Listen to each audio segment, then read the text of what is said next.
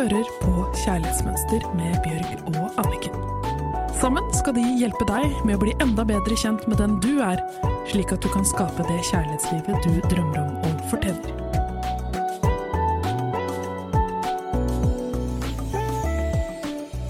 Og så hyggelig at du vil høre på Kjærlighetsmønster med oss.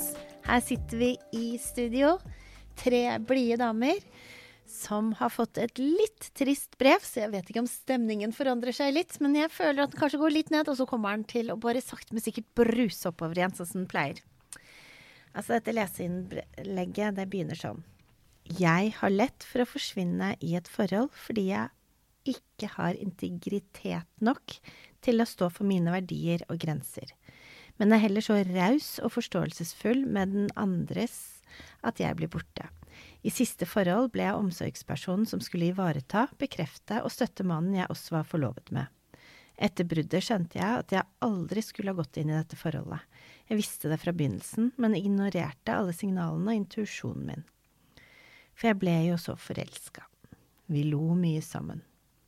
Men det er ingen mann som er verdt å miste seg selv for. Men én ting jeg syns er vanskelig nå, tre år etter siste brudd. Jeg føler meg gammel, uinteressant og lite attraktiv. Jeg er 57 år, og med overgangsalderen skjer det endringer i kroppen som ikke akkurat er noe å juble over. Mm, da tenker jeg på sexdriftene. Når kroppen ikke lenger skal produsere barn, er ikke driftene så sterke lenger. Så hvordan skal en kvinne finne en mann på min alder, eller en mann som er litt eldre, kanskje, de ser jo gjerne etter yngre kvinner som fortsatt er mer seksuelt aktive. Det er jo ikke et ukjent fenomen at menn tenker mye på sex og gjerne vil ha mye sex. Single menn på min alder som ikke ønsker flere barn, men gjerne vil ha en kvinne å være sammen med, vil sannsynligvis velge en som fortsatt er i riktig alder, altså en yngre kvinne, fremfor en som er i overgangsalderen, og ikke fullt så sexy lenger. Jeg vet at det høres negativt ut, men biologien er ikke særlig oppløftende for kvinner i så måte. Har dere noen tanker rundt kjærligheten for oss godt voksne? Altså, jeg syns ikke hun er så veldig godt voksen, 57 år. Jeg syns ikke det er så gammelt, jeg. Ja. Det er, du er jo fortsatt eh, ung. Ja. Og jeg tenker vi har blitt opplært så masse som ikke er sant om kjærlighet. Kjærlighet har ingen begrensning på alder. Ekte kjærlighet er raus, varm, deilig og inkluderende. Så det vi må spørre oss selv, hva er sant, og hvor har du lært det? Sannheten er at det finnes kvinner i alle aldre, alle fasonger, som opplever dyp kjærlighet men vi må først finne den i oss selv. Så er det sant det jeg går og sier når hun sier det, at biologien så er ikke så veldig oppløftende for kvinner? Hvor har man lært det? Nei, altså det, ja. altså det er to forskjellige ting som jeg bare må bare liksom bare To forskjellige historier som jeg bare må fortelle. Ja. Fordi at det som motbeviser litt det hun sier. Ja. Det ene er at uh, jeg var i Gambia før pandemien. Og så sitter jeg altså på sånn der, et sted langt ute i bushen som jeg vet Ava også har vært på. Eh, og det er ingen andre der. Og så kommer det altså to veldig kule menn gående bortover. Altså De har sånn halvlangt hår, hatter og stokk, og så kommer de litt nærmere og en gitar under armen. Så ser jeg at de er sånn kanskje et eller annet sted i 70-årene, kanskje. Men altså med en energi, sånn ungdomsenergi. Så liksom litt sånn så blide og glade. Så setter de seg ned. Britiske. Begynner å snakke. Og han ene svarer, når jeg spør hva han har jobbet med, at han har hatt verdens beste jobb. Og jeg spør hva er verdens beste jobb?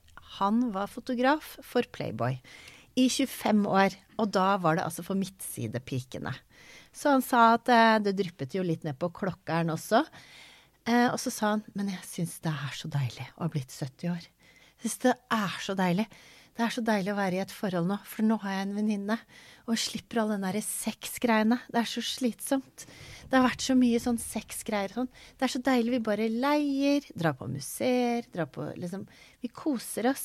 Og så er det så deilig å slippe alt det sexgreiene. Og det mente han virkelig, for den samtalen bare fortsatte. Og det var ikke en samtale, egentlig, det var en monolog om hvor deilig han syntes det var å slippe alt dette sexgreiene. Så det avkrefter det med at menn bare vil ligge. Og jeg vet med mine venninner at det er like mange av deres menn, og jeg er 46, som ikke vil ha sex, og hvor de er frustrerte, for de vil ha sex, men mannen vil ikke. Og så jeg at Ava har noe på hjertet. Nei, altså jeg tror jo at veldig mange ikke skiller på dette med sex og intimitet. At det på et eller annet vis henger sammen, for det gjør det jo ikke nødvendigvis. Eh, man kan jo ha et fint og intimt forhold uten å nødvendigvis ligge masse sammen. Eh, så jeg tenker jo at intimiteten er jo viktigere enn liksom selve sexdelen av det. Å ja, nærhet. Mm. Men kan jeg fortelle historie nummer to, som også avkrefter det med at du kan ikke Det er ikke noen sånn best før-dato på en kvinne eller mann eller på kjærligheten. Og det er altså Jeg var så lykkelig. Altså, det var en av de fineste stundene jeg har hatt i vinter. Jeg gikk en lang, lang, lang langrennstur sammen med noen venninner over fjellet på Geilo. Hvorpå vi kommer til en sånn hytte hvor en eller annen fyr har funnet ut at han skal eh, servere sin hjemmelagde suppe med sjampinjong Nei, ikke sjampinjong, men med sopp som han selv hadde plukket.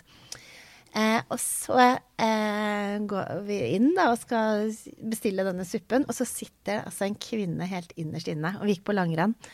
Eh, og så stråler hun, og så sier hun Ja, da dere kom, så så jeg at dere hadde samme tempo som meg. Men det er ikke noe å skryte av, for jeg er 87 år gammel. og så begynte vi å snakke med henne, og så viste det seg at hun hadde reist rundt omkring i hele verden hele livet. Og hun hadde valgt bort det å ha kjæreste, for hun ville heller leve. Og henne, hun, sånn som hun sa, at i min tid så måtte du enten velge å bli kone og få barn, eller om du ville liksom leve. Og så forteller hun at hun valgte å flytte til Geilo i en alder av 85 og kjøpte seg en leilighet. Og så hadde hun vært på et eldretreff, og så sa hun at på det eldretreffet så hadde hun møtt mannen i sitt liv. Og hun var så forelsket. Og det var sånn at når hun satt der, så var det en sånn fontene av hjerter som kom både ut av munnen og øyne og nese og ører og alt. Hun bare satt der og bare strålte. Og så fortalte hun bare at uh, han var enkemann, og hvor forelsket de var. Og at de bodde i hver sin leilighet ved siden av hverandre der på Geilo. Og så uh, sa vi sånn Ja, er han like gammel som deg, eller Og så lo hun. Nei, han er 92! så jeg tenker at kjærligheten er Det er ingen alder på den, og det er ikke noen tid på den. Og man kan bli like forelsket um, når du er 90 som når du er 60 som når du er 20. Så det å tro at man går ut på dato, det stemmer faktisk ikke. Det stemmer ikke. Og det er eh, en eh, amerikansk coach jeg jobbet med. Hun traff en eh, mann når hun var 65, og når hun ble 67, så giftet de seg. Og nå nærmer hun seg 70, og hun legger ut bilder av de to hver dag. De har det så godt sammen, og hun har aldri hatt det så bra med noen mann. Så de, det er veldig viktig at hva er det vi driver og forteller oss selv om kjærlighet, og hva som er mulig for oss. Fordi det er veldig viktig. For det er det vi forteller vår egen hjerne. Hvis man kan tenke på hjernen vår som en slags sånn underdanig tjener som utfører det vi ber om, så er det veldig viktig hva vi sier. Og hvis vi sier at kjærlighet er ikke mulig til meg, for jeg er blitt over 57 Så blir det sannheten! Ja. Og da lar du det skje. Mm. Og da tror du det, og da begrenser du mulighetene dine for at noe annet skal skje. Så da er du ikke åpen for denne mannen som elsker deg akkurat som du er, og syns du er verdens vakreste 57-åringer eller 50 eller 60 eller 70, whatever. Det er, det er, ingen begrensning på kjærlighet. Dette er noe vi har laget selv, noe som andre har fortalt oss. Men det som kan være litt sårt, er jo at man ofte sliter med disse tankene fordi man eh, kanskje har blitt oppvokst med noen nærme omsorgspersoner av menn, enten brødre eller fedre eller sånne ting, som har fortalt deg hva en tiltrekkende kvinne er. Og det er jo dessverre, eller whatever, det er en del menn som bare liker unge kvinner. Det er greit, da kan de gjøre det. Men du må ikke tro at det gjelder for alle, hvis du har blitt oppvokst med en sånn type mann. For det høres nesten litt sånn ut at hun er preget av hva som er tiltrekkende, og hva som ikke er tiltrekkende. At det er noen som har fortalt henne det, at det har blitt påført henne. Den sannheten. Men det er ikke sant, for det finnes alle mulige typer slags menn der ute. Og noen liker bare unge, unge som, og bare vil ha sex hele tiden med de, og syns at uh, kvinner på over 50 år ikke er noe attraktive. Og så finnes det det stikk motsatte, med en mann som elsker deg akkurat som du er. Vi lever jo også i et samfunn som dyrker ungdommelighet. Hvis du mm. ser liksom på film, alle som jobber både i Hollywood og i Norge sier jo at som kvinne etter fylte 40, nesten umulig å få en rolle som ikke er mora til noen. Eh, sånn at vi, vi, lever jo i et samfunn som hele tiden forteller at det å være ung er bra. Eh, og så ser du at de da som har bikka 40 av skuespillere sånn, eh, gjør alt de kan for å se unge ut. Og det gjør jo noe med psyken vår om hvordan man bør føler man bør se ut. Mm. Og det er derfor det er så viktig å tenke selv. Mm. Fordi, og, og, at man frigjør seg fra kjærlighetsmønstre, gamle tankeganger, begrensende tankeganger som andre har hatt. Og så må man vite hva er sant for meg, og hva er mulig for meg. Og det er stort sett så mye mer enn det vi har blitt opplært til. Ja, men uh, jeg vet dette er litt ute på siden, men jeg må også si at det er veldig rart at vi lever i et samfunn hvor overgangsalder er så skambelagt og så lite pratet om.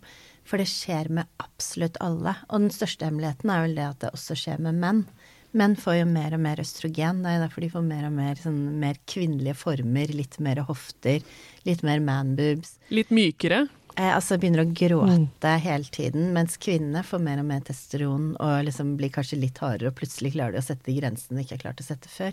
Så det er ikke akkurat som om det er bare kvinnene som er i overgangsalderen og på en måte mister sin verdi, tror mange. Det er bare det at vi blir eldre, og at kroppene forandrer seg. Og det er helt naturlig.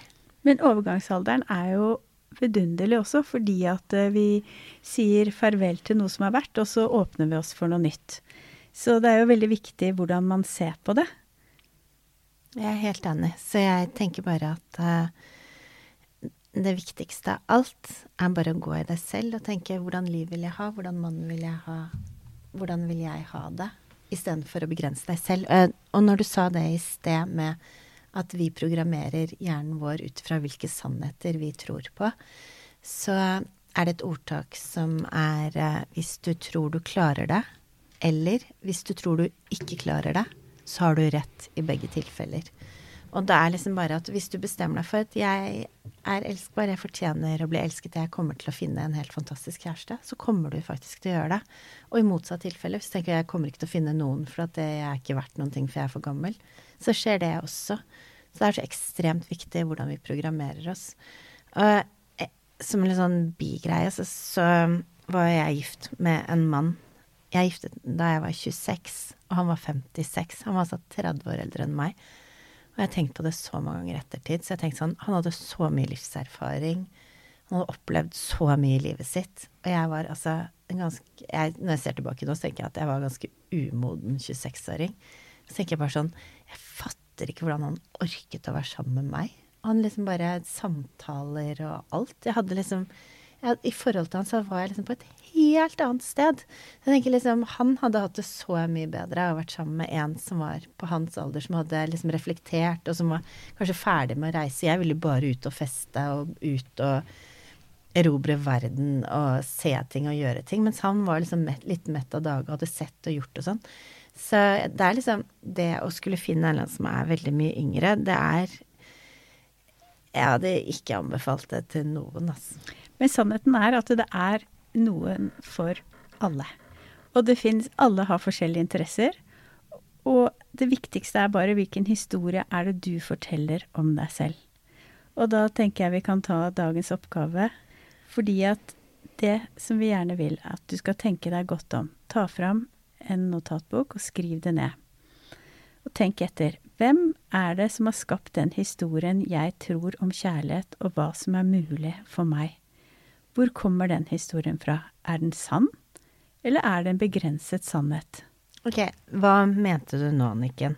Hvilken historie som har, Hvem som har For hennes historie, som vi akkurat har lest, det er jo det at nå er hun blitt for gammel, og hun kommer ikke til å få den familien, hun er ikke attraktiv, men vil bare ha sex med yngre kvinner. Det er en historie.